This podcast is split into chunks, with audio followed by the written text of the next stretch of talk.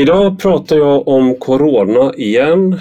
Jag pratade ju med Björn Olsen i veckan och det är ingen hemlighet att han har varit en av de skarpaste kritikerna till den svenska coronastrategin.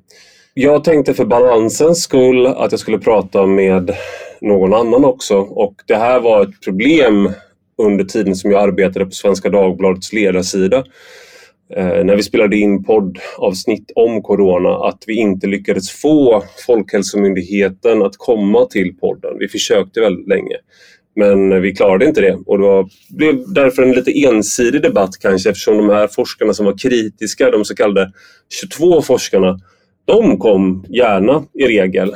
När jag hade spelat in det här avsnittet med Björn Olsen så hörde Johan Anderberg av sig och sa att han gärna skulle komma och prata i podden. Och han är då en författare och journalist som skrev en bok tidigare i år som heter Flocken, berättelsen om hur Sverige valde väg under pandemin som gav, gavs ut på Albert Bonniers förlag. Och sen har han häromdagen skrivit en artikel i Sydsvenskan som har fått ett väldigt stort genomslag med rubriken Katastrofen som aldrig kom. Och ingressen är då Sveriges låga dödstal är en obekväm sanning för medier och makthavare i flera länder. De visar att miljontals människor har levt i ofrihet till ingen nytta. Så på det stora hela kan man säga att Johan Anderbergs slutsats är att den svenska strategin var ganska lyckad eh, och att vi med då i eftertankens kranka blekhet ändå kan vara ganska nöjda med att vi fick behålla mycket frihet till skillnad från länder som stängde ner mycket mer. Så jag är väldigt glad i alla fall att ha Johan Anderberg här i podden idag eftersom jag har tillhört de som har velat ha skarpare åtgärder.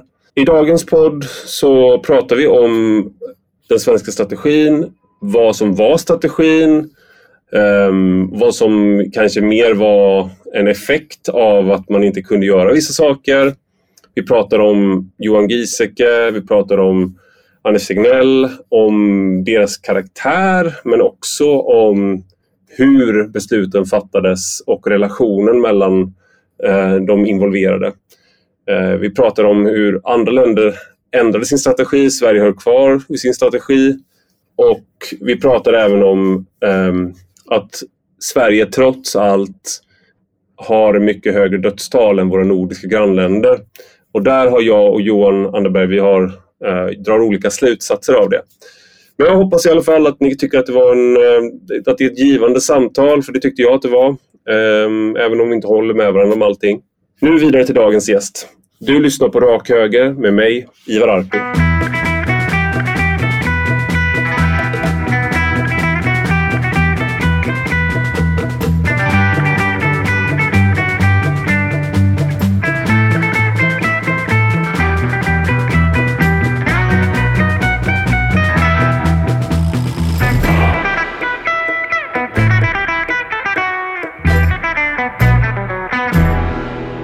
Välkommen Johan Anderberg till Rak Höger.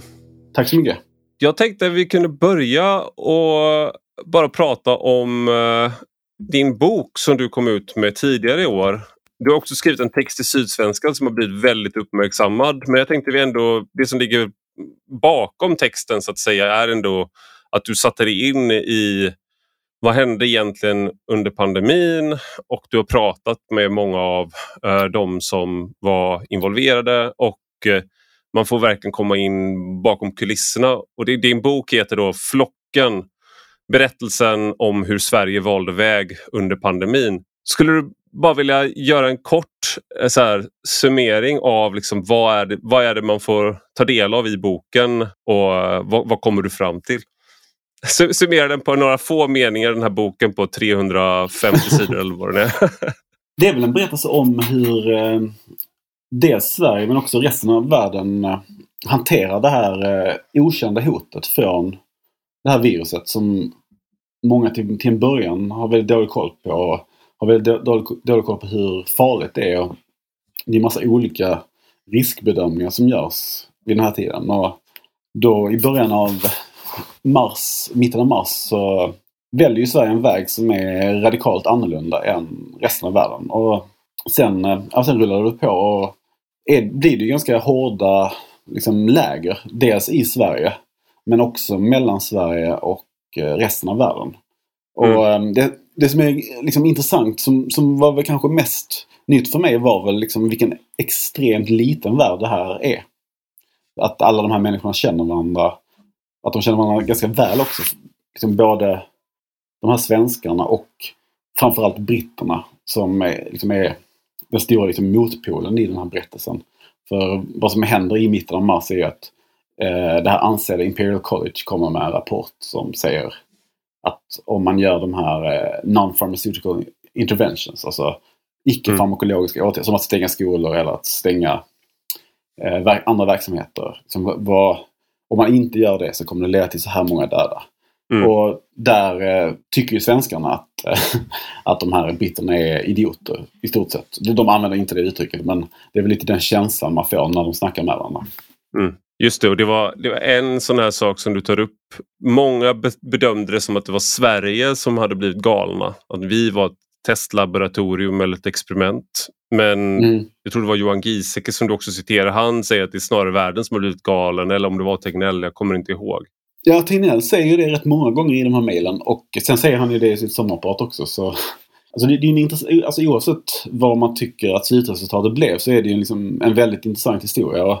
Sverige har ju aldrig någonsin varit i Eh, världens blickfång på det här sättet. Alltså, det gjordes någon undersökning på Utrikesdepartementet där de kom fram till att det aldrig hade skrivits så mycket om Sverige någonsin sedan de började mäta det. Mm. Och det är på gott och ont kan man väl säga också. För det var, det var en, en sak som var slående eh, under pandemin tyckte jag. Det var ju att Sverige plötsligt blev eh, som Trump-högerns gullegrisar kan man säga. Eh, Be like mm. Sweden. Så att man gick från när Donald Trump sa Can you believe what happened in Sweden last night? Och då var det såklart mm. att det var liksom någonting med invandring och brottslighet. Alltså det var någonting dåligt som hade hänt i Sverige. Lite oklart mm. exakt vad han syftade på. Till att vi ska, man ska vara mer som Sverige. Så ja. det blev en sån där, att, men, men i Sverige upplevde jag ofta att det var tvärtom. Att här var det högern som jag själv tillhörde på Svenskans ledarsida, eller fortfarande tillhör. Min mm. podd och publikation heter Rak Höger. Så, sådär. Men eh, att där var det snarare eh, vi som ville stänga ner så det var också en sån konstig, konstig konfliktlinje som, som, som blev där över de här just i mm. Sverige, mm. att den var också lite annorlunda. Och det, och det är liksom en väldigt stor förklaring till varför det blev som det blev. För i USA så Alltså en, en väldigt tråkig grej med hela Trump-eran är ju att eh, medierna i eh, USA blev så eh, aktivistiska. Att de gick ifrån det här objektiva rapporterandet till att driva någon sorts agenda. Och den agendan var ju i stora drag riktad mot Trump. Mm. Det, fann, det, fanns ju många, många goda skäl till det här såklart. Men jag tyckte liksom redan innan det här att de hade tappat fattningen lite grann. Och under just Corona, då blev det ju väldigt tydligt att en av anledningarna till att liksom New York Times och eh, NPR och alla de andra liksom, tongivande medierna i USA valde den här liksom, hårda nedstängningslinjen, mycket munskydd och så vidare, var ju för att det var tvärtom mot vad liksom, Trump-högern vill ha. Och mm en liknande tendens tycker jag man kunde se i England. Där liksom mm. eh, stora delar av medierna liksom verkligen hatade Boris Johnson långt innan det här. Mm. Och eh, såg det här som ytterligare liksom ett uttryck för hans, vad man uppfattade som vetenskapsförakt. Det, det var ju liksom mycket mer komplext än så. Och det, det är därför det var så underligt att just Sverige hamnade liksom på helt liksom fel sida i den här striden. Jag tänker också en, en annan sak som jag minns det var ju den här otroligt eh, virala texten Pun intended där då, av Thomas Pueyo som du tar upp. Och att för, eh, den här Imperial-rapporten som då där man förutspådde enorma mängder döda, jag kommer inte ihåg exakt hur många, det har du skrivit där men jag har det inte framför mig. Eh, dagen efter det så publicerade han då en, en text på medium som hette The Hammer and the Dance kan du beskriva liksom vem han var och vilket genomslag det fick? Han, han var ju liksom en helt vanlig techkille. Um, liksom inte överdrivet känd men liksom ändå hyfsat inflytelserik. Och han var också rätt intresserad av liksom, Star Wars. Han skrev en bok om Star Wars, dramaturgin. Och han hade också hållit något TED-föredrag om just dramaturgi. Så han var ju liksom väldigt duktig på att berätta. Och han, han skrev en väldigt så här, eh, en väldigt välskriven text om hur världen borde hantera det här eh, hotet. Mm. Och då handlade det om att man skulle slå ner jättehårt på smittan direkt. Och så eh, The Hammer då. Och så sen inleda den här dansen då man liksom testade och eh, kontaktspårade. Mm. Och så Och uh, den här texten den, den valsar in även hos Folkhälsomyndigheten. Och då är det ECDCs chef uh, Denis Colombier som skickar den till... Och, och ECDC är den europeiska smittskyddsmyndigheten då? Precis, som av en slump är förlagd till Sverige. Så de känner ju alla de här människorna också. Så, Just det. Och det är Thomas Giesecke som byggde upp den? Ja, Johan Giesecke. Precis. Jo, Johan Giesecke ja. menar jag. Ja, ja precis. Han, ja, det får man säga. Um, ah. Och uh, vad, uh, vad var, var vi nu? Ja, förlåt. Thomas Poejo, den valsade in den här artikeln på Folkhälsomyndigheten. Den här techkillens ja, The Hammer and the Dance. Och, men då, tycker ju, då, då svarar ju Anders Tegnell någonting om att faktan känns mycket mjuk. Uh, så, mm. så även där Eh, så vad man kan säga är liksom att hela nedstängningspolitiken har ju tre ben. Det är dels vad som sker i Kina, att vissa blir väldigt imponerade av vad som händer i Kina. Eh, mm.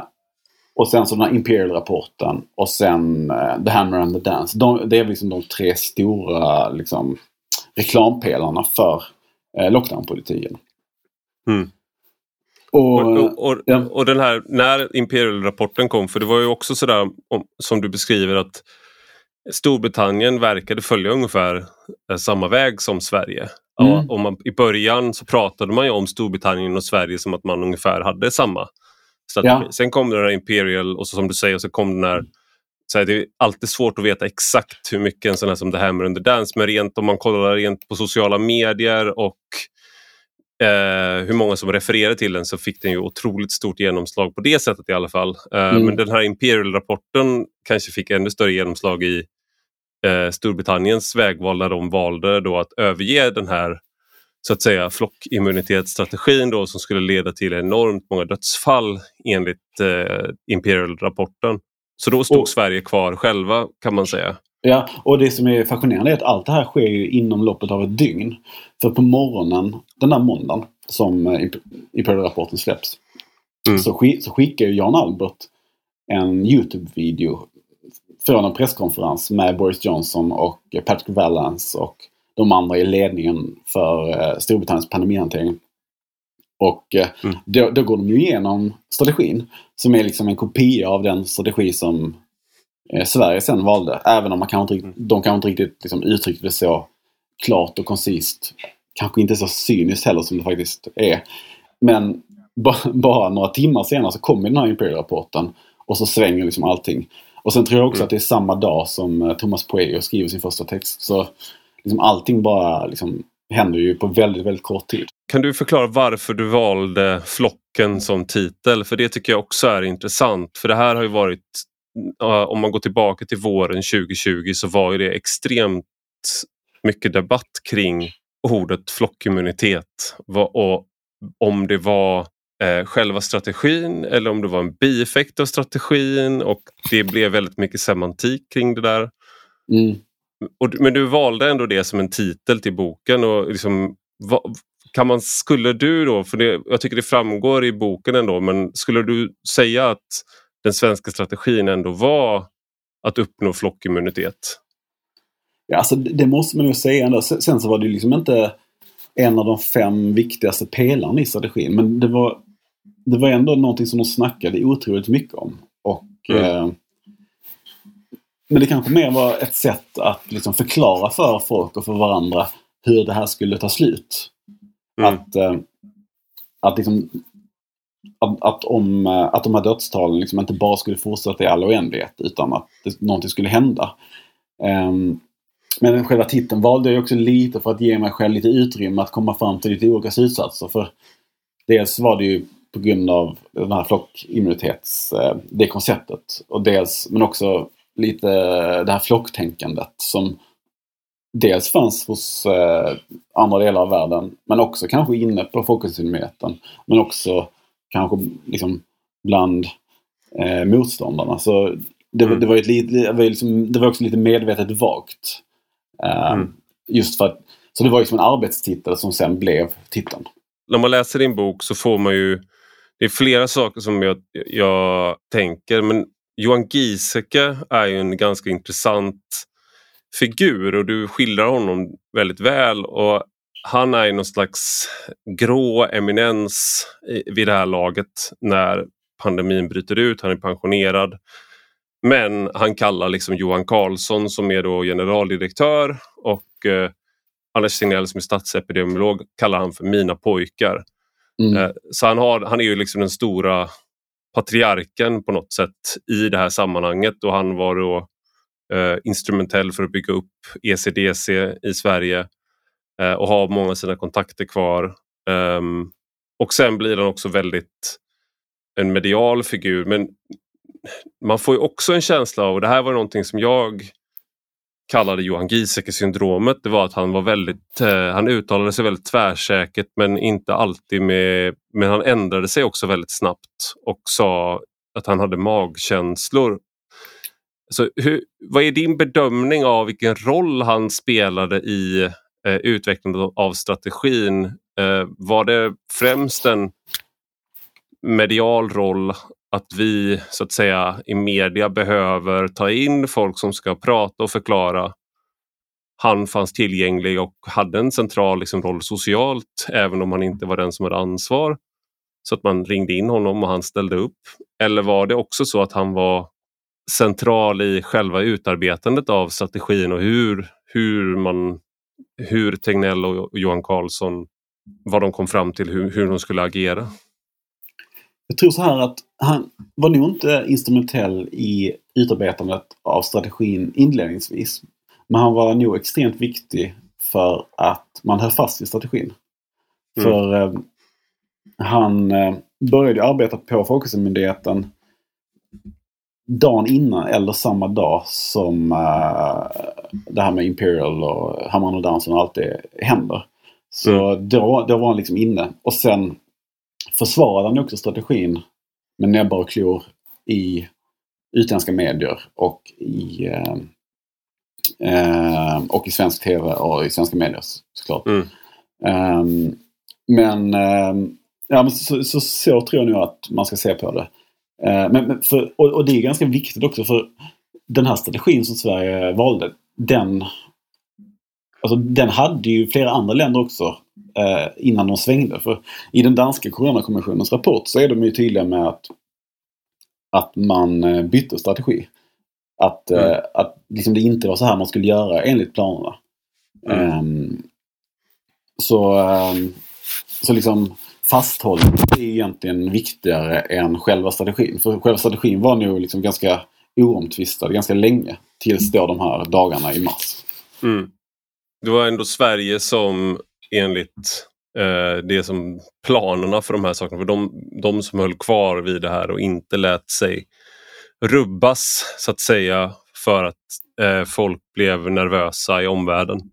Så att säga. Nej, precis. Och en, ja. ett viktigt antagande man gör där det, har ju begåtts en hel misstag eh, längs väg, alltså under vägens gång. Jag hoppas det framgår av boken. Eh, men en Alltså, det, absolut viktigaste, det absolut viktigaste antagandet som gjordes under de här dagarna och veckorna, det var ju att dödstalen inte skulle bli så höga som det varnades om. Mm. Alltså, eh, Thomas Pueyo snackar ju om liksom miljontals döda mm. eh, bara på några veckor i USA och sådär. Med, medan Imperial College snackar om eh, cirka, och, alltså Spectator har hittat det där att det var 84 700 enligt eh, eh, Imperials modeller i Sverige mm. som skulle dö på några månader. Och nu är vi uppe i 15 000. Alltså det är väldigt mycket men det är ändå inte i närheten av de dödstal som förutspåddes. Nej. Så man måste ju också bedöma strategin utifrån de varningarna.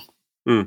Jag, för, jag kollade, jag, jag förekommer inte i din bok och uh, inte Svenska Dagbladets ledarsida men någonting som som var, och vi blev ju med vår podd då, Ledarpodden, eller ledarredaktionen menar jag. Eh, glöm, till och med glömt av vad podden hette nu. Men mm. eh, då blev det så, vi försökte ju få till diskussioner mellan Folkhälsomyndigheten och, eh, och de här 22 forskarna till exempel. Eh, mm. Och först så var de, var de positiva, Folkhälsomyndigheten, att ställa upp. Eh, och man kom till press och det, man skulle fixa datum, sen sköts det fram och sen så till slut slutade de svara. Um, och, så det var, och det var väldigt svårt att få till den här diskussionen mellan, uh, från den andra sidan. Så då blev det, med, medan de här 22 forskarna då som man har kallat det, uh, de mm. hade ju ingen egen plattform. Så de kom gärna och pratade med oss så att mm. säga. Men någonting som, uh, och det gjorde ju också att vi fick då den här rollen som vad ska man säga, dissident eller att vi stod emot eh, Folkhälsomyndighetens mm. linje. Men någonting som jag tyckte var väldigt svårt att förstå då det var vad som var strategi och vad som var en effekt av eh, att, vad som var möjligt att göra. Och det, och det där tycker jag fortfarande har varit så svårt att helt nu när man då har, det har gått tid och man har till exempel när vi har munskydd, när vi har tillgång till såna här saker, då har man återigen har man liksom till exempel då munskydd och eh, ansiktsmask när man covid-testar eh, folk eh, på teststationer. Men mm. man avskaffade vissa av de här kraven när det rådde brist på, men man sa inte att det var på grund av brist utan man sa att det var, en, det var inte nödvändigt. Och sen har man liksom, Det var många sådana där grejer att man det är inte nödvändigt att, att stänga ner men vi har heller inte lagligt stöd för att göra det på samma sätt som andra länder. Alltså det var väldigt många sådana där saker som det, där det framkom, där det var, liksom, det var som så Schrödingers covid-strategi. Den både fanns och fanns inte samtidigt på något sätt. Delar mm, du den alltså, bedömningen eller, är det, eller var det där en liksom eh, jag tycker att jag är normalbegåvad men jag tyckte att det var svårt att förstå vad som var och det var samma sak egentligen med flock, eh, flockimmunitet. Att är målet att vi ska uppnå flockimmunitet, det vill säga att man ska eh, smittan ska gå genom befolkningen i en lagom takt så att sjukvården hinner med. För det så uppfattade jag det. Eller, och, och var målet då att uppnå flockimmunitet eller var det bara en det här är det vi kan göra och då hoppas vi att vi kommer uppnå flockimmunitet. Nej men alltså det där är två grejer. Alltså, vi kan börja med flockimmunitetsgrejen där tycker jag att det var liksom ganska tydligt att eh, Alltså, Anders Tegnell sa ju även det i intervjuer att alltså, det, det, liksom, det är ingen bra idé att stänga ner för när vi öppnar upp igen så kommer smittan tillbaka ändå. Mm. Så då har man ju ändå någon slags tänkande att det här ska ske i lagom takt. Mm. Eh, men problemet var ju lite att det här med flockimmunitet blev ju så extremt infekterat i omvärlden och sen kom det även in till Sverige. Mm. Och än idag så är det otroligt infekterat med naturlig immunitet. Eh, det, det är väldigt mycket snack i USA om att, eh, att CDC, alltså amerikanska smittskyddsmyndigheten, eh, har kommit någon rapport om att naturlig immunitet inte var lika bra som vaccinering, äh, om man fick vaccin. Mm. Och, så, eh, och det är många som har varit kritiska mot det här. Och det här är verkligen above my pay grade, så jag ska inte ha en åsikt om det. Men det, det, är ganska intressant att att, att liksom just den här naturliga immuniteten anses som någonting, eh, någonting skrämmande. Liksom någonting som man absolut inte får eh, förespråka. Mm. Och eh, för tre år sedan tror jag liksom inte att det hade varit en så stor grej att, liksom, eh, att jämföra naturlig immunitet med den immunitet man får av en vaccination. Mm. Um, och sen, vad var det andra? Ja, just det här med lagstöd för nedstängningar. Mm. Uh, ja, men det, det känns ju som en väldigt konstig invändning. För sen i november, december någonting då uh, införde man ändå den här åtta personers regeln. Mm. Um, så Sverige hade ju någon liten mini nedstängning under några månader där uh, vintern 2021. Mm. Så det, det, var ju uppenbart att det gick att uh, genomföra. Um, så, så det, alltså, jag, jag är ganska säker på att att liksom det, det, här inte var någonting man ville göra och man tyckte inte det fanns evidens för att uh, de här nedstängningarna fungerade. Mm. Uh, och, och, där har de egentligen, tycker jag, fått rätt. För som jag skrev den här texten i Sydsvenskan så har ju alla de här nedstängda länderna mycket högre, eller mycket, de har högre dödlighet än vad Sverige har i covid. Mm. Så um, jag tycker inte det finns så jättemycket som talar för att de här nedstängningarna fungerar. Just det, och i den här Sydsvenskan-artikeln den publicerades då för fem för sex dagar sedan. Uh, ja. Och har rubriken Katastrofen som aldrig kom. Uh, och du har ingressen här då. Sveriges låga dödstal är en obekväm sanning för medier och makthavare i flera länder. De visar att miljontals människor har levt i ofrihet till ingen nytta. Mm. Och det är den stora berättelsen egentligen tycker jag. Mm. Um, jag tycker absolut att vi ska gå igenom allt det här, liksom, alla misstag som har gjorts. Men det misstag som resten av världen gjorde, det är liksom mycket, mycket större. Um, alltså än idag, efter, alltså efter att skolbarn har liksom missat ett års skolgång i USA, mm. så tvingas barn idag ha munskydd på nästan alla amerikanska skolor. Mm. Så det är en så absurd situation att vuxna inte har munskydd, men barn har det. Och mm.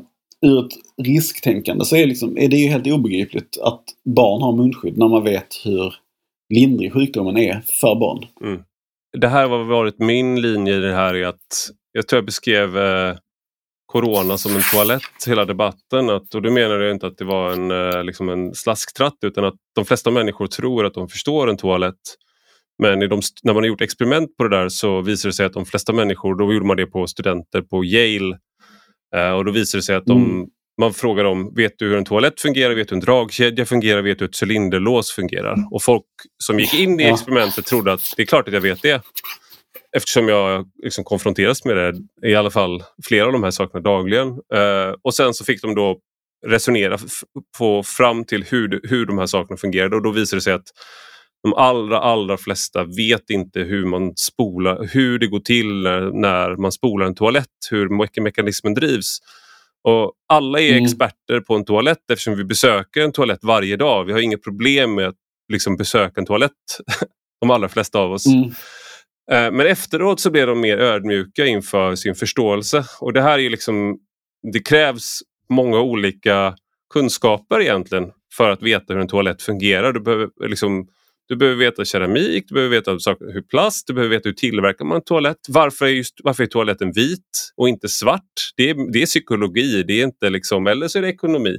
Alltså det är massa saker i det här som är Eh, jag tycker inte att toaletter, jag tycker det är, liksom, det är så intressant egentligen men det är ett ganska bra exempel på någonting som man har extremt, känner sig extremt familjär med men man egentligen inte vet så mycket mm. om. Och i den här debatten, så, eh, i coronadebatten så var det, det krävs många olika typer av expertis och det är, egentligen är det väldigt många olika problem. Så när det bara blir två läger så blir man dum, eh, dummare. För att om man låt, låt oss säga liksom att den här coronakommissionen som nu har kommit med sitt andra delbetänkande som jag pratade om med Björn Olsen som jag hade här som gäst eh, för några dagar sedan. Man kan komma fram till att den svenska strategin på det stora hela med facit i hand var lyckad. Vi behövde inte stänga ner. Men det var ett misslyckande i hur vi hanterade eh, att skaffa skyddsmaterial i början av pandemin och det var ett misslyckande i att vi inte lyckades skydda de äldre med de åtgärderna som vi hade. Som vi hade. Och det borde vi ha gjort på det här sättet istället. Alltså man kan komma fram till man kan misslyckas på flera sätt även om den övergripande strategin ska lyckas. På samma sätt som lockdown i den strikta bemärkelsen i Spanien och Italien visade sig att det, det hjälpte inte. Men de kan, ha lyck de kan ha lyckats med vissa andra saker eh, som vi inte lyckades med. Mm. Och Det är väl det här jag tycker med hela den här debatten då när man Det blir ju absurt att som du tar upp då med till exempel munskydd för barn. Det finns det ju mm. Nu, ska, nu, är, nu tar jag på mig den hobby epidemiologiska hatten igen då. Men det, vad jag vet så finns det ingen, som du var inne på, det finns ingen evidens för att det skulle vara särskilt effektivt för att begränsa smittan i samhället. Nej, och även om det skulle det så kan det inte skulle vara värt ändå med tanke på vilka negativa effekter det har för barns liksom, språkliga utveckling och mycket annat. Det, men det här var en sån där sak som jag då på samma sätt tyckte när man hade debatten om munskydd i Sverige att man fick inga bra svar från Folkhälsomyndigheten på varför man inte skulle ha det i Sverige. Det svaret som gavs då var att man, människor kunde inte hantera eh, munskydd och man pillade på dem och att det då blev farligare att ha munskydd än att inte ha dem eh, när man fingrade på dem. Mm. Det fanns det ju inget forskningsstöd för heller så att säga. Så att det blev en... Det där var en... Jag vet inte om det där var en eh, kommunikativt problem eller att man då Eh, vad man, vad man ska kalla det, men det blev inte heller en bra diskussion där vad ska säga, man väger bevis mot varandra för vad, vad, man ska göra. Det kanske de gjorde någon annanstans men det underlaget var väldigt svårt och det fick man inte ut. Man fick inte se att det här var... Utan det, den referensen som gavs, om jag inte minns fel, var satt journalister i pressrummet och fingrade på sina munskydd. E, en sak som var intressant eh, som du beskriver i boken väldigt väl är också eh, hur man långsamt arbetade bort den svenska strategin. Så att, å ena sidan hade vi en strategi under 2020 men och du, du tar som ett exempel där att man på regeringens hemsida från april 2020 så stod det att det övergripande målet med regeringens arbete är att minska takten på smittspridningen. Och sen en dag i januari 2021 mm. så ändrades det till att målet var att minska smittspridningen. Och mm. det här eh, bisatsen då som, eh, som man hade haft som var det vill säga att platta till kurvan så att inte väldigt många blir sjuka samtidigt. Den togs också bort.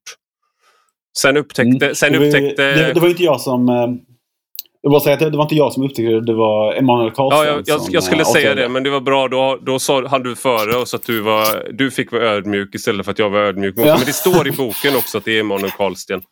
Uh, ah, okay. ja. ja uh, och då så hävdade man från regeringskansliets håll då att det var ett misstag. Och det går ju såklart inte att veta uh, vad som var vad där men det, det, såg ut som en tanke i alla fall. jag, jag, man kan i alla fall sätta igång vissa konspiratoriska tankar. För som du beskriver i boken så höll man ju på då att regeringen började successivt köra över Folkhälsomyndigheten oftare och fatta mer beslut och mer repressiva åtgärder. Så kan man, liksom, kan man säga då att den här, eh, det här var ungefär under den andra vågen då för lite mm. mindre än ett, ett, år sedan. Kan man säga att, vi, att den svenska strategin höll hela vägen ut om, den, om man nu med den svenska strategin menar den här ganska öppna, eh, eh, vad ska man säga, byggd på frivillighet och sådär? Nej, alltså det, det var ju ett litet eh, hack i den helt klart under vintern där. Um, och sen, jag vet inte riktigt när det började släppas sen, men det var väl fyra, fem månader då eh, Sverige var nästan lika nedstängt som resten av världen. Mm. Eh, sen slapp vi ha munskydd visserligen och grundskolorna var öppna under hela den här perioden. Så det var ju mer att det blev lite tråkigare för, för oss andra. Mm. Eh, men och, eh, men alltså det, det, där med den här skrivningen det är en sån grej som man verkligen skulle vilja veta mer om. För det är ju liksom Det är ju hela grejen verkligen. Att, eh, att ta bort det där. Alltså det är ju det som är den stora skillnaden. Mm. Att liksom, accepterar man att smittan sprids eller accepterar man inte För vid den här tiden var det också väldigt mycket snack om zero covid. Och liksom fullständig nolltolerans mot eh, liksom att bli smittad av viruset. Så det, det var ju liksom det är en väldigt stor grej det här att man ändrar i strategin. Mm. Så jag tycker det är lite tråkigt att uh, man liksom inte har grävt... Ja, det skulle kanske jag ha gjort. Men, uh, ja, det borde någon journalist ha gjort. ja, precis. ja. ja, men det där var ju någonting som um, Coronakommissionen har tagit upp också. Att uh, det har varit väldigt svårt att få fram information Eh, både liksom under tiden som det pågick men också i efterhand att spåra beslut, hitta dokument, hitta underlag. Är det där någonting som du känner igen från arbetet med boken? Att, man kan, att, du har liksom, att det varit svårt att få fram, är det, här, det, här var de, det här var den datan vi utgick ifrån när vi fattade det här beslutet och sådär? Nej, alltså, om, om man ska vara ärlig så har det funkat ganska bra. Alltså, eh, jag fick ut alla dokument jag ville få ut mm. från Folkhälsomyndigheten. Eh, men det tog väldigt lång tid. Det tog väl liksom, ibland fyra, fem månader. Mm.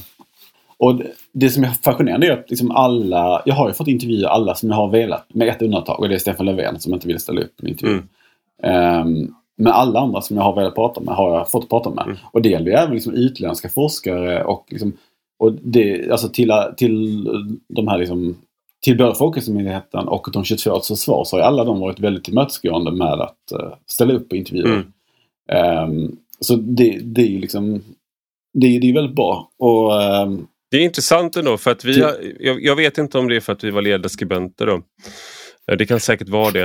Eh, även om jag kände mig inte som en ledarskribent när jag skrev om det här men vi fick ju inte eh, svar från Folkhälsomyndigheten i regel. De slutade liksom att eh, svara oss eh, på, på mm. ledarsidan. Ja. Men, eh, alltså ja. Jag hade heller inget annat att göra så, så jag dök upp på de här presskonferenserna. Mm. Då var det bara att vänta liksom, i en timme tills alla tv-kanaler hade gjort sina intervjuer. Så fick man ju prata i liksom 5-10 minuter. Så um, jag, har liksom inte, jag har inte fått någon exklusiv intervju på det sättet med Tegnell. Nej. Jag har liksom aldrig suttit ner med honom. Men jag har liksom haft sådana här faktafrågor som jag har skickat uh, och så har jag fått snacka med, med dem. Mm. Liksom. Uh, så det, det har liksom ändå funkat. Och, och apropå alla de här utländska experterna, det var rätt roligt att alla var, att, liksom, att man kom från Sverige var verkligen så här en, en liksom riktig dörröppnare. Så liksom, det var väldigt ofta man hade så här ett så missat samtal från liksom, eh, Palo Alto, Kalifornien. Ja. Så det liksom var en Nobelpristagare som hade lämnat ett meddelande. Så det, det, var ju liksom ganska... Ja, men det, det var väldigt... Eh, det var förvånansvärt öppet från alla håll.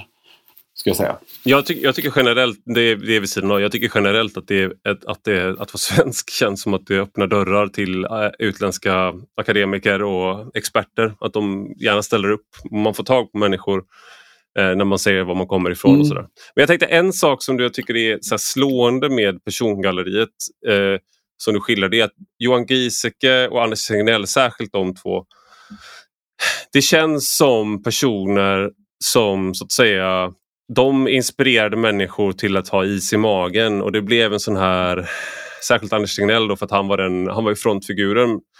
De är så här kyliga verkligen. Alltså när man säger typ i, i krigssammanhang så, så behöver man hålla huvudet kallt när folk börjar dö. Och det här känns som sådana människor. De skulle kunna göra sig bra i ett läge, man tänker ett riktigt, riktigt blodigt slag där man, där man liksom, en normal människa känner att jag, vill dra, jag, vill, jag tycker vi ska dra oss tillbaka. Liksom. Men de ser att ja, vi ska ta den här kullen. Liksom. Eh, och, och, och, Det här kanske är då också en kritik, det här är också en kritik som jag läst att de är kanske, det är inte de mest så att säga empatiska människorna och då menar jag inte det som en nedsättande epitet utan att vi Eh, empati kan ju också göra att man, blir, eh, att man låser sig själv i olika situationer. För att man tycker att saker och ting är väldigt... Man, om man är läkare till exempel. Att man om man stöter på ett fall med en patient och om du har för mycket empati så kommer du kunna bli, kanske bli frysa i den situationen för att du känner för starkt. De säger det om sig själva också faktiskt. Ehm, att eh, Anders Tegnell säger i någon, in, någon gammal intervju som jag inte har gjort men som jag hittade i arkiven om att, att han som eh, läkare var, gillade, eller så här, eh, funkade bäst med patienter som bara ville få reda på exakt direkt vad de, vilken sjukdom de hade. Mm. Att de inte ville, för liksom, alltså, han, han ville inte, de inte ville ha det inbakat i en massa fluff som han uttryckte mm. Och, och uh, Giz uh, själv kallar ju sig, han kallar ju sig själv för skrivbordsläkare. Mm. Liksom att det behövs sådana som han menar han som kan se de stora talen och inte bara de enskilda fallen. Tror du att det här är en förklaring till att, de, att vi i Sverige då avvek från andra. Att vi hade de eh, mest empatistörda ledarna som kunde hålla koll på talen och, hålla, och liksom inte bli så skraja för det här andra som eh, skedde runt omkring när det började smälla. Alltså det, det, finns liksom tre lager. I, i, Sverige har liksom tre lager av skydd mot den här nedstängningsvågen. Ska jag säga. Det, det, det första är ju de här människorna som liksom har någon form av bunkermentalitet. Och liksom i andra sammanhang kanske det hade varit en, eh, en katastrof. Men nu, liksom, som jag anser då, så, så blev det ju bra till sist. Och den, det andra laget av skydd var ju liksom ändå den här förvaltningskulturen vi har i Sverige med självständiga myndigheter. Och det betyder inte att regeringen inte kan göra som den vill utan att all kompetens liksom finns utputtad hos myndigheterna. Så att man, till skillnad från i andra länder så har, har liksom svenska regeringen ingen eh, chefsläkare eller eh, liksom egen vetenskaplig kompetens. Så det var väldigt svårt för regeringen inledningsvis att köra över Folkhälsomyndigheten. Mm. Och sen det tredje som jag liksom det område som jag är sämst på egentligen det är liksom, den här, liksom de här lagarna som omgärdar liksom, alltså våra grundlagar helt mm. enkelt. Och eh, där finns det fortfarande jättestor debatt om vad, liksom, vad man får och inte får göra. Och den debatten har ju blossat upp i Danmark nu igen till exempel. När det börjar snackas om en ny lockdown för att smittotalen går upp. Mm. Det var en ledare i Berlingske igår om eh, att, man, att, att grundlagen absolut inte tillåter en lockdown igen. Mm. Eh, och, liksom, och jag brukar liksom tänka på det för det, det kanske många som tror att jag liksom försvarar regeringen i det här. Men regeringen har ju liksom... Alltså, de har liksom inte haft någon så direkt liberal ådra tror jag. Utan Alltså man brukar säga om den amerikanska konstitutionen att den skapades av genier så att den skulle kunna användas av idioter. Mm. Och, det, kan, det kan jag ställa upp på vad den svenska med... regeringen. Nej, men li, lite så är det med den svenska grundlagen också. att nu, nu, har ju inte vi några sådana kända människor som skrev den. Vi har inga Jefferson och ingen liksom Madison och ingen eh, Adams. Eller... Men det har varit ganska smarta människor som har skrivit våra grundlagar en gång i mm. tiden. Mm. Och vi kanske ändå ska vara ganska tacksamma för att de har gjort det svårt för politiker att gripa in alldeles för hårt i enskilda människors liv. Jag tror att vi i förra podden när Björn Olsen var med eh, så, så, så, tror jag att jag raljerade över slutsatsen där att vi skulle ha haft en eh, regering som stod upp på frihetens sida då, och, jämfört med, och jämförde då med att, eh, vilket antyds i din text då, för att, men då är det inte regeringen som, nu förstår jag bättre hur du menar, men just att regeringen eh, nu eh, inför att man kan eh, göra husrannsakan utan brottsmisstanke till exempel.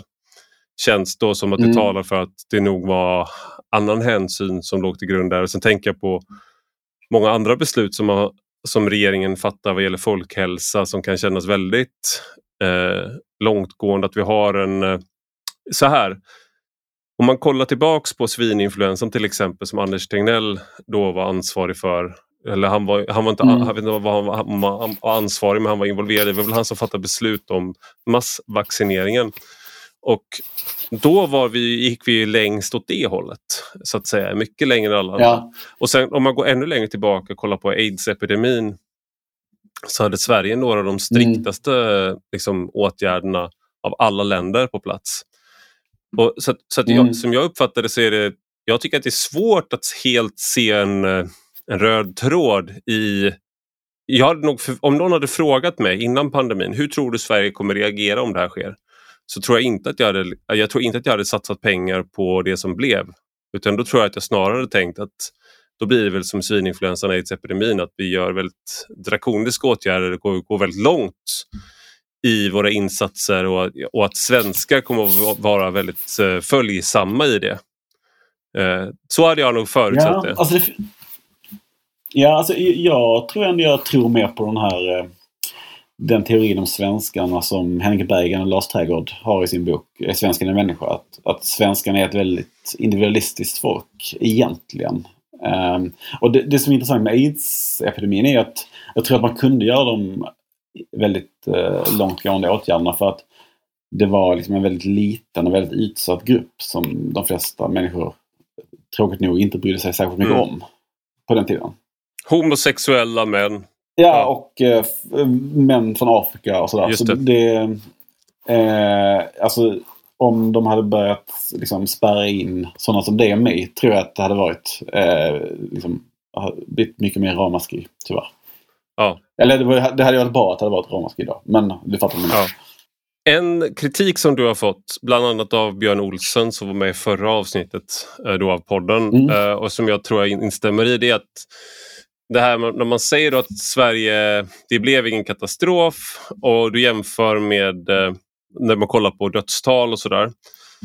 Men om man, mm. om man mm. ändå kollar på så här, summerade dödstal per, per capita eh, så ligger vi fortfarande, vi ligger då nära 1000, eh, ja, vi ligger på 1481 eh, då per miljon och Danmark ligger på 469, Finland på 213 och Norge på 168 enligt mm.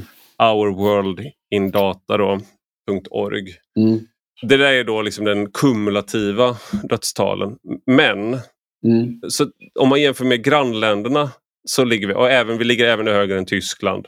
Men vi ligger lägre än EU-snittet eh, nu. Om vi hade haft det här samtalet 2020, i princip hela 2020, eh, så hade vi legat över EU-snittet. Men nu så kan det mycket väl bli så, om vi spolar fram ett år, att, vi, att det kommer visa sig att Sverige inte hamnar eh, högre till sist. Men just nu så gör vi det och det här är väl också då att en kritik man kan ha mot din eh, slutsats som du drar i alla fall i eh, artikeln i Sydsvenskan att det var en katastrof som uteblev. Att Mm. vi ligger ändå ganska, vi ligger högre än de flesta jämförbara länder. Ja, alltså det där är egentligen det, eh, den fråga som liksom återstår. Om, som vi kanske aldrig kommer komma överens om vad som är rimligt. Alltså, alltså ska man bara jämföra med Norden eller ska man jämföra med en större mängd länder? Ja, Och jag tycker väl att det är rimligare att, alltså när, framförallt när det är så här komplexa skeenden, att jämföra med en stor grupp länder. Mm. Och man, man, kan göra, man kan göra det på flera sätt. Man kan ju, som i USA så är uppbyggt av väldigt många olika delstater med olika befolkningssammansättningar. De valde väldigt olika strategier inledningsvis också. Och där, om Sverige hade varit en amerikansk delstat så hade vi varit eh, på plats 43 av 50. Mm.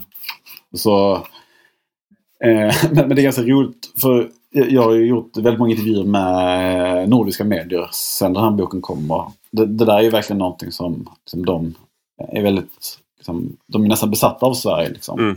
Alltså det är ju uppenbart att vi har jättemycket högre dödstal än de nordiska länderna. Mm. Men eh, om, om jag bara köper din premiss, även om jag inte håller med om det, så kanske det ändå hade varit proportionellt. Frågan är om det, det var rimligt med de stora ingripanden i människors frihet för att få ner dödstalen Mm. på Danmarks nivå till exempel. Mm. För Danmark har ju väldigt mycket högre dödstal än Norge också. Ja. Så det finns en skill- skillnad mellan de länderna också. Och de ligger, eh, eh, om man kollar på summerade dödstal då, mellan pandemins ut, eh, utbrott till idag så ligger Danmark mer än eh, dubbelt så högt som eh, både Finland och Norge. Jag håller nog inte riktigt med om att Norge och Finland är särskilt lika Sverige. Däremot håller jag med om att Danmark och Sverige är fullt jämförbara länder. Mm. Ehm, så där... Och det är ju, alltså, jag, jag ifrågasätter ju inte att det svenska vägvalet har lett till fler döda än det skulle varit annars. Mm. Eh, men jag tror inte skillnaden är så stor som många tror. Om man, kollar, om man bryter ner det i olika utbrott, så att säga, av första och andra vågen, så kan man ju se att vi, vi låg eh, väldigt dåligt i första och andra vågen, men sen har vi legat ganska lågt eh, sen dess, så att säga. Det är ingen större skillnad nu eh, efter, vacciner- efter att mass, massvaccineringen kom igång så verkar det som att nu ligger vi ganska bra till. Eh, och Ja, fast vi började ligga bra till redan eh, under andra, alltså, under andra vågen jämfört med de andra länderna i Europa. Ja. Då, då slog, ju, slog det ju till jättemycket till exempel Östeuropa. Just det. Och, Och det här det kan man se liksom Ja. att eh, från och med februari ungefär så började eh, liksom, då, då, då, då, då droppade liksom, talen i Sverige men i den, vi fortsatte stiga i många europeiska länder och höll på en ganska hög nivå ända fram till nästan till sommaren i år. Då. Det var lite det jag försökte eh, påpeka i min artikel i Sydsvenskan. Att jag tycker att det här är ett ganska underrapporterat faktum i Sverige och inte minst i resten av världen där Sverige kallas för pariastaten Mm. av New York Times. Ehm, och då tycker jag det skulle vara rimligt att åka tillbaka hit och liksom summera vad, vad som har hänt. Mm. En, alltså en, en hypotes som framförallt Johan Giesecke hade i alla de här intervjuerna han gjorde med liksom världens medier. Det var ju liksom att eh, resten av världen skulle komma ikapp Mm. förr eller senare. Och det får man ändå säga att eh, han fick rätt i. Att det blev någon slags reversion to the mean. Om man liksom ska prata statistikspråk. Det här är alltid svårt för att du, du har en, jag, jag köper i din, eh, i din artikel så har du en, eh, en genomgång som jag tycker är väldigt läsvärd. Just för att och du tar upp eh, alkoholförbudet i eh, USA och eh, Mm. liksom att experimentet du, ja, det kallades för det ädla experimentet av eh, historiker. Så hade man 12 mm. år av eh, alkoholförbud. Um, och det funkade inte. Folk hittade andra sätt att dricka på. Det var en för stark del av kulturen helt enkelt. Uh, mm. Men du tar också upp då att man kan göra um, man kan göra experiment och det är ett citat där av uh, ett helt annat, en obskyr twist som du tar upp. Men eh, mm. en domare som heter Louis Brandeis, jag vet inte om uttalar hans namn. Han kallar det för en lycklig, ja. lycklig omständighet i den amerikanska demokratin. Och då säger han så här att en modig delstat kan, om dess invånare så önskar, fungera som ett laboratorium och testa nya sociala och ekonomiska experiment utan risk för resten av landet.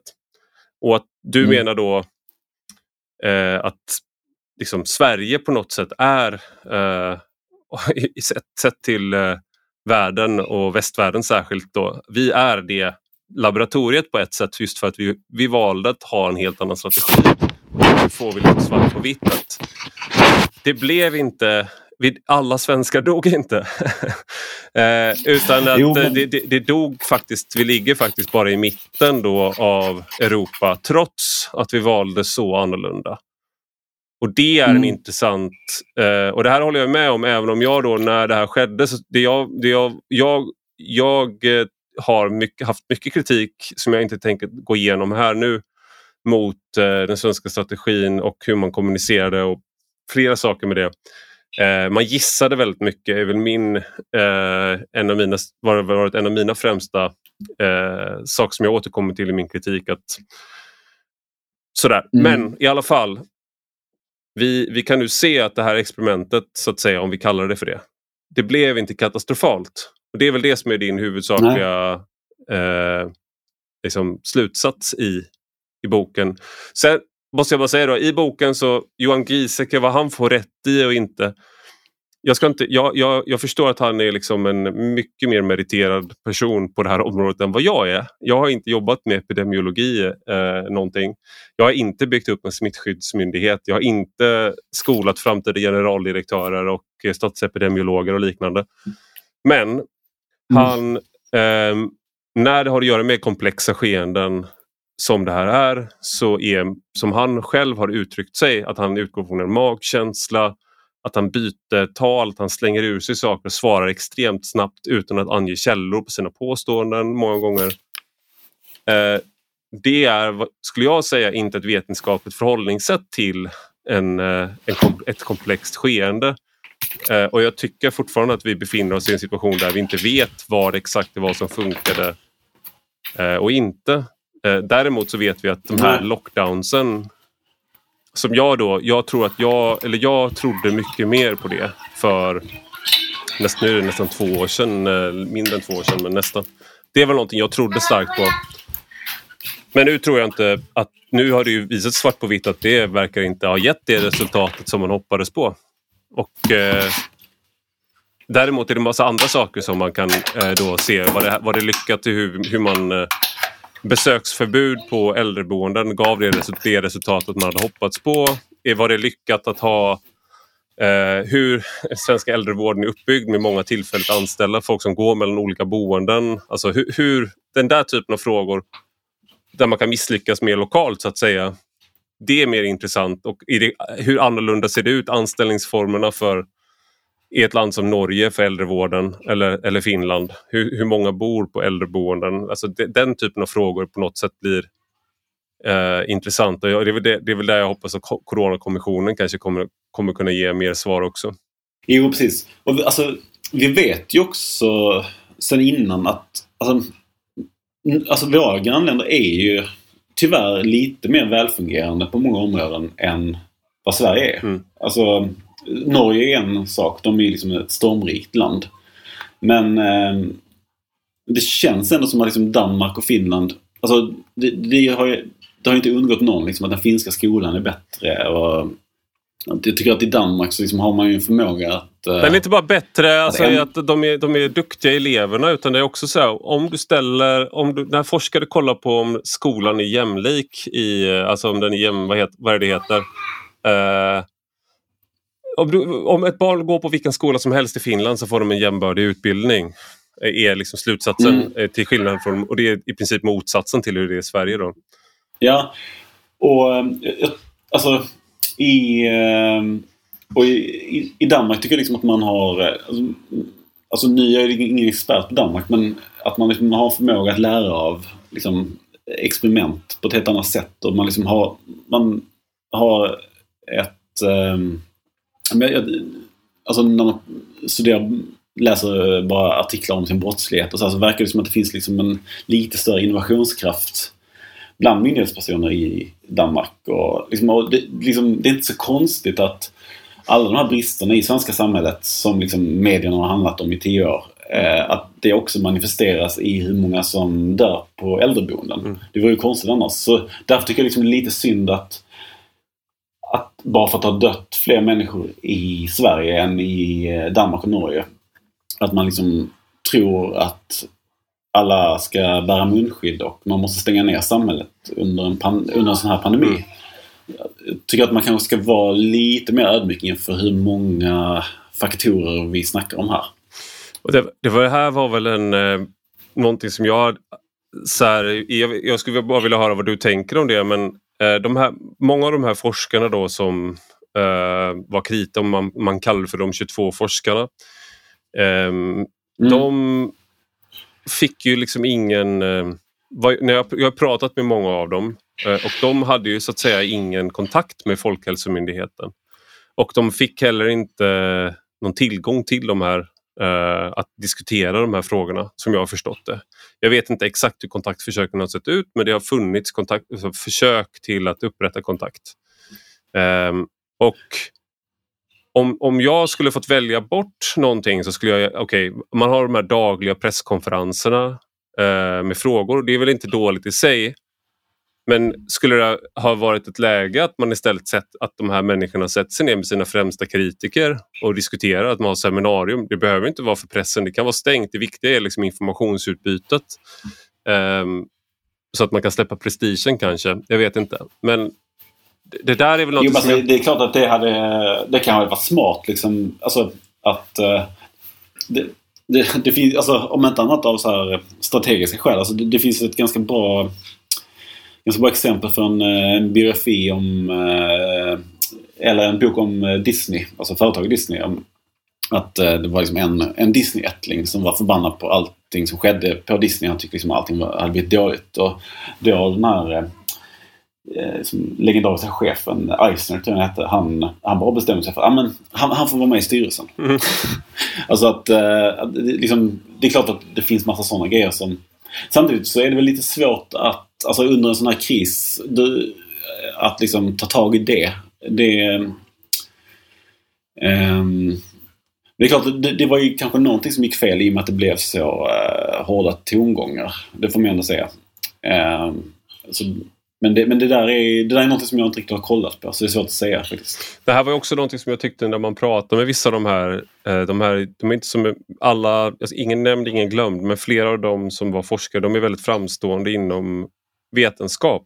Då man kollar på så här citeringar och genomslag och sånt där inom epidemiologi och inom sina områden. Men de kanske inte är mm. några mediala genier. Eh, det kanske inte är så att man, de gör succé om de är med i tv eller radio. Uh, och det där var ju också någonting som gjorde att det här är egentligen en separat kritik, det har att göra med hur media fungerar. Men att det, offentligheten kan vara extremt oförlåtande, eh, särskilt i pressade lägen om du inte kan hantera den. Och eh, det, folk blir ju ganska hånade och ganska trötta och, och, vissa blir ju... Det är lätt att glömma av om man själv är en offentlig person men att många kan ju bli väldigt bortskrämda av eh, reaktionerna. Ja, verkligen. Samtidigt får man ändå säga att alltså, jag tycker ändå att diskussionen överlag i Sverige var rätt uh, vettig. För det, alla åsikter om det här kom ju ändå fram. Mm. Liksom, vi hade ju Peter Wolodarski på ena sidan som liksom, får man ändå säga så var, han är väl ändå Sveriges mäktigaste journalist. Um, han hade ju väldigt stark kritik mot Folkhälsomyndigheten. Och de 22, deras DN Debattartikel är ju den överlägset mest lästa någonsin mm. på DN Debatt. Mm. Um, och uh, den här debatten som skedde i Sverige, alltså de, den förekom inte riktigt i de länder som jag har följt. Utan det, det blev ju väldigt... Alltså, paradoxalt nog, eh, alltså, eller det kanske inte är så paradoxalt för jag tycker ändå att åsiktskorridoren är ganska vid i Sverige. Mm. Eh, jag tycker ändå att man eh, får lov att säga vad man vill. Och det har ju på något sätt visat sig här. Att, att vi, vi debatterade ju ändå det här väldigt länge och folk tycker olika och de flesta svenskar tycker att strategin var ganska rimlig. Och um, det är liksom det kanske lärde vi oss någonting från migrationsdebatten. Och liksom, jag vet inte vad det är men det känns ändå som att uh, alla åsikter kom fram. Jag tror att man... Det finns... Jag, jag, jag, tror att du har rätt formellt sett och jag tror att vi, vi är ganska bra på att låta folk komma till tals. Men jag tror att det som är svårt i Sverige är att eh, ha något som helst eh, inflytande eller påverkan. Och Jag säger inte att alla ska ha det så fort man har kritik men eh, så att det skulle vara skillnad till exempel om, om jag på ledarsidan satt och skrev att stäng ner Sverige nu. Jag har läst Thomas Pueyo om Hammaren och dansen. Eh, det är liksom mm. en sak för då är det så här, okej, okay, hur många vetenskapliga citeringar har du? Är, vem är du? Så där, det här är ett komplext område.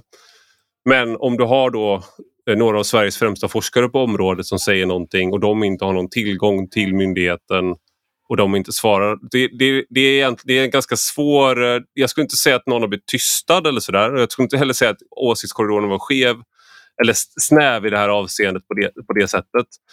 Eh, det är lite mer komplext än så. Att vi, jag tror att vi, om, om man jämför med Danmark, så är vi ganska dåliga på att lyssna på att, i, inte, att liksom lyssna på och ha en diskussion med människor som inte tycker som oss själva. De får gärna prata, men vi kommer inte diskutera med dem.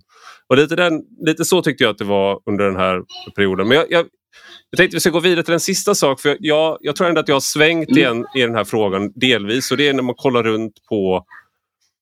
Eh, för jag var som sagt en av dem som då tyckte att vi gjorde för lite. Eh, och jag var kritisk till regeringen och jag, jag, jag tillhörde väl eh, till stor del då Peter Wolodarski-lägret vilket var så en ny erfarenhet för mig och Peter Wolodarski att liksom gå på armkrok. Eh, och även då att jag mm. hamnar i samma läge som en person som Joakim Rocklöv som modellerar också på klimatfrågor och sånt där. Att det, man fick nya vänner och nya fiender. Liksom. Eh, sådär. Jo, men det, det är ju det som är så himla intressant den här att den här texten i Sydsvenskan att, att liksom eh, massa kända socialdemokrater gillar den. Mm. Och så i texten så hyllar jag ju liksom en republikansk politiker som förmodligen kommer att bli liksom nästa republikanska president. Mm. Så det är liksom... Just det. Det är väldigt fascinerande där. Och det är, det, och det är där det är liksom i sig den här liksom att man, det blir som en, vad heter det, scrambling av allianser i det här.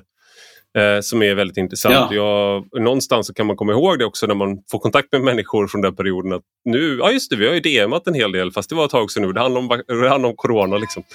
Men i alla ja. fall nu när man kollar på länder som uh, Frankrike, som Australien, där man har extremt repressiva åtgärder mot människor eh, och mm. man ska stänga ner igen. Då tycker jag någonstans att den här diskussionen om frihet och människans... Alltså jag, om det är en akut fas, om det är två veckor i början av en... Om det, om, när det var då som han pratade om Thomas Pueyo, när man pratade om det där. Då var det en kort period man pratade om och då är det så här, okej. Okay, kan vi göra det här nu? Men nu när vi börjar närma oss då, nu är det två år. Och du ska ha vaccinpass. Det är också en, en sån fråga. Liksom, att ska man få röra sig fritt om man inte har vaccinerat sig? Hur långt, hur långt ska man gå mot människor? Och vilka, liksom, vilka åtgärder kan staten eh, ta till? Och där kan jag känna att eh, nu, idag, så är jag väldigt glad att jag bor i Sverige och inte i Australien. Jag är väldigt glad att jag bor i Sverige och inte i USA eller eh, Storbritannien eller Frankrike. Man har sett vissa så här klipp på fransk polis som jag vet inte kontexten, det kan vara fel, jag borde inte ta upp det kanske, men att de, de liksom springer in på ett köpcenter och går på en kvinna som inte bär munskydd. Det är som en scen ur en dystopisk film nu. Och då blir det så här, ja. ja jag, jag stod ju på så att säga batongens sida i början av 2020 då. Men jag känner att jag har bytt position här. Jag skulle vilja höra hur du, liksom hur du tänker kring det. Inte kring mig då, utan kring de här nya repressiva åtgärderna. Det som är liksom faran med det här tänkandet att säga bara nedstängning en liten stund. För i eh, USA sa ju Anthony Fauci att eh, de, de hade en sån slogan som heter Two weeks to stop, stop the spread. Mm. Och eh, nu har det blivit som meme i USA liksom. Att det, det här är de längsta två veckorna i mitt liv. eh, just för, för att eh, liksom, det har mer eller mindre varit nät, liksom, av och till nedstängt liksom, i ett, ett år eller ett halvt Mm. år. Sen så är det väl viss, kanske, nu, nu är det kanske vissa länder som har lyckats med att stänga ner kort tid och sen öppna upp igen. Men faran är ju liksom att eh, man liksom aldrig kommer ner på en nivå som anses acceptabel. Jag skulle också vilja höra din åsikt om det här med vaccinpass. Hur du ser på det. För att jag ser det som, det är ju en väldigt stor frihetsinskränkning för individen. Eh, att de, man inte ska Mm. kunna resa eh, utan det. Eh, å andra sidan så kan man då se att ja, men det är för eh, det stora flertalets bästa. Alltså, det, det är verkligen individens rättigheter mot något slags utilitaristiskt eh, eh, perspektiv. Hur ser du på det utifrån liksom, dina slutsatser i, i boken? Alltså först och främst är jag rent principiellt mot det. Men sen så finns det ju massa grejer som jag är liksom principiellt mot men som liksom jag accepterar kanske behövs av pragmatiska skäl.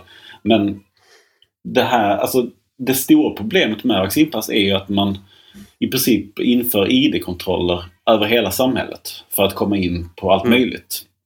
Och jag var ju i Danmark under en period när man när eh, vaccinet inte hade kommit, men, eh, eller det hade kommit för, för riktigt gamla, men eh, när man var tvungen att testa sig och visa det här testet överallt. Och, eh, alltså det, det var liksom ingen jättestor frihetsinskränkning, men det var liksom Alltså det kändes inte riktigt rätt i magen att behöva liksom visa upp det där eh, på väg in till liksom, tivoli Mm. eller vad det var.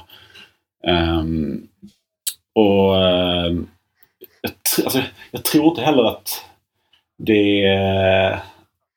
Alltså, det är klart att det ökar vaccinationsviljan och därigenom smittspridningen och därigenom några, får man ner dödsfall lite grann. Men då är frågan återigen om det är värt det i proportion till den enorma frihetsinskränkningen det är. Och kanske framförallt för alla de här människorna som driver de här verksamheterna. Att man lägger en sån extrem pålaga Mm. på dem. Min kritik eh, som jag, jag läste igenom inför den här podden eh, som jag riktade mot eh, Folkhälsomyndigheten och som jag och många andra riktade mot dem. Den, den, mycket av det står jag fast vid idag men jag tror att den här tron på lockdown, på väldigt repressiva åtgärder. Den, det är någonting som jag tror att man måste röra sig bort från och det har att göra med helt enkelt att människor har rätt att vara fria. Det är min ideologiska grundhållning, min, grund, min grundvärdering. Ja, eh, nej, men jag tänker, det är, liksom, det, det är vaccin, det här vaccinpass som jag tycker är svårare för att jag tycker att det, det, liksom det, det, som verkligen har gjort skillnad är vaccinet. Det har gjort enorm skillnad och det kommer nog fortsätta att vara det som gör den största skillnaden. Och då har du liksom en, den här, då Mm. ställs det verkligen på sin spets. För att till skillnad från lockdown då som inte har eh, gett den här liksom, eh, den effekten som man verkligen hoppats på och inte munskydd heller. I vissa situationer så är det kanske så gör det men, men det är verkligen som verkligen ger resultat är vaccin. Och då att eh, ett vaccinpass Mm. eh, liksom, det, det, det hänger ihop med den mest effektiva åtgärden. Så jag, jag har inte landat i någonting där. Men vad, tro, vad tror du... Nej, men vad tror du om den här idén? Att man säger att Folkhälsomyndigheten eller regionerna säger att från och med om tre månader så kommer vi börja ta betalt för vaccinet. Ja, jag, jag, det har jag inte tänkt på. Vad tänker du skulle vara resultatet av det? Nej, men då skulle man kanske ändå få många som inte har tagit det men som ändå kanske innerst inne inser att man kanske kommer behöva det för att det är så många länder som Mm. kräver det. Och så eh, ser de att de kommer få betala, betala liksom tusen spänn per Mm. dos. Om de inte tar det nu. Det tror jag skulle få rätt många att, eller inte jättemånga, men ett par procent att ändå ta det. Det skulle kunna vara en sån, en sån Så nudge. liksom- Eh, och det, det är väl det här som är, det är, det här som är en, ett problem med hela nudge-grejen och det är att folk hatar när det blir explicit. alltså när det Ja. blir synligt att det är det som sker. När man har, eh, till exempel, i- hade ju Target, eh, de lyckades ju förutse när kvinnor var gravida innan de själva visste det. Så de skickade reklam Ja. om, och det är bland annat med ändrade konsumtionsmönster, till exempel att man slutar dricka kaffe och liknande. Eh, och så de, mm. för, de låg före så då skickade de reklam eh, om typ så här, köp en barnvagn för det är en stor investering, mycket pengar som du bara gör i princip en gång. Och kvinnor insåg mm. då att fan, de har massa kunskap om mig. Och de blev så arga och liksom kränkta. Så de fick sluta med det, även om mm. de hade den informationen. För då var det där, de, du, du, har för bra information, du nudgar människor. När människor blir medvetna om att du nudgar dem på olika sätt så vill man eh, plötsligt, då blir det plötsligt mm. en annan situation. Ja, jag håller med. Jag, jag var rätt fascinerad av nudging för några år eller för rätt många år sedan. Men jag börjar också tycka att det är lite otäckt.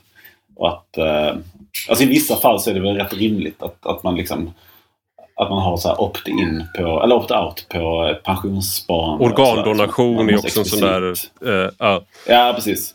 Alltså när man är död, inte Men, när man äh... lever om någon undrar. Utan, uh, att man är här, istället för att säga ja, ja jag kan tänka mig att ni får ta mina, ni kan skörda min kropp på organ när jag dör.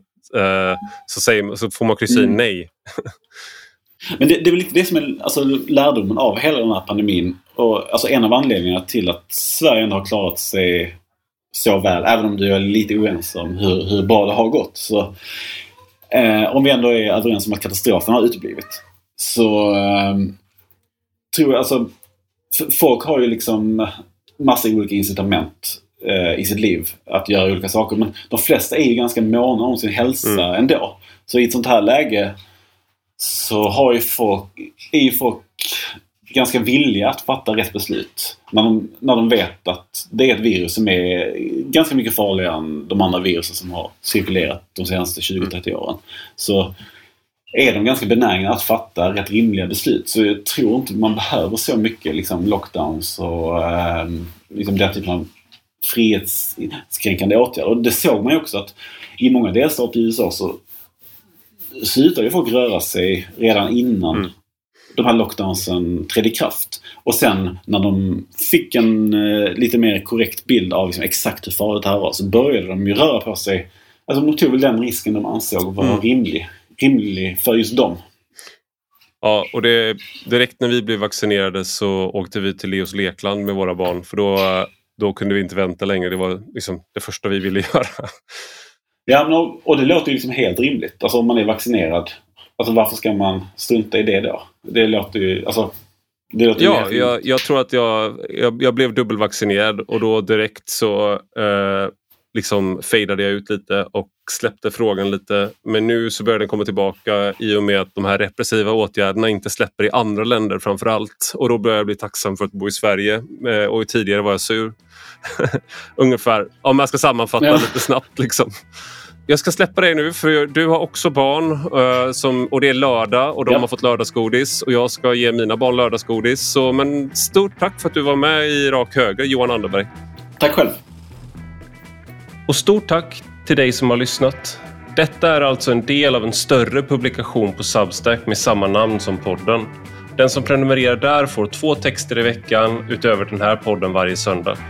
Gillar man det man läser och hör så får man gärna bli betalande prenumerant för 5 euro i månaden eller 50 om året. Och då får man också ta del av lite extra material som är exklusivt för betalande prenumeranter. Du hittar rubbet på ivararpi.se. Och har du några frågor eller synpunkter kan du alltid mejla mig på ivararpi Vi hörs om en vecka.